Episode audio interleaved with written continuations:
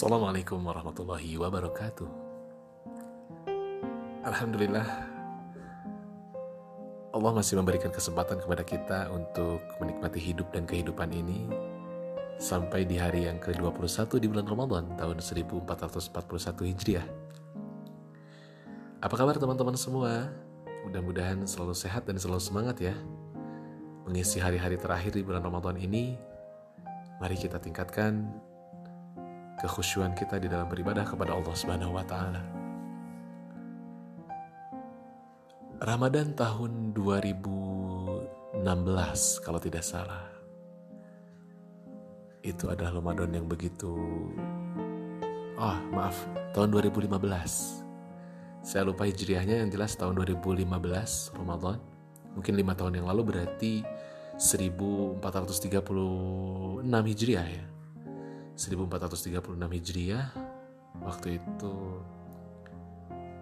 saya habiskan malam-malam Ramadan saya 10 hari terakhir saya saya habiskan untuk mengadu kepada Allah mengadukan kondisi kehidupan saya, kehidupan rumah tangga, bahkan kehidupan pribadi.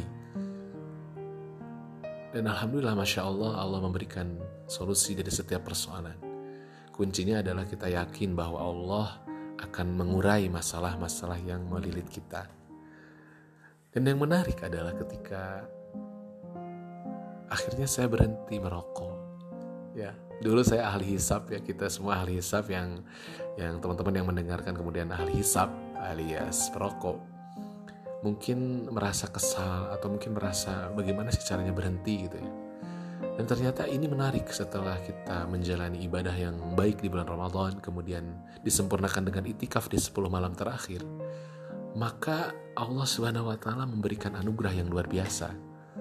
Keinginan untuk merokok tiba-tiba hilang dan alhamdulillah sudah hampir 4 tahun saya berhenti merokok. Masya Allah.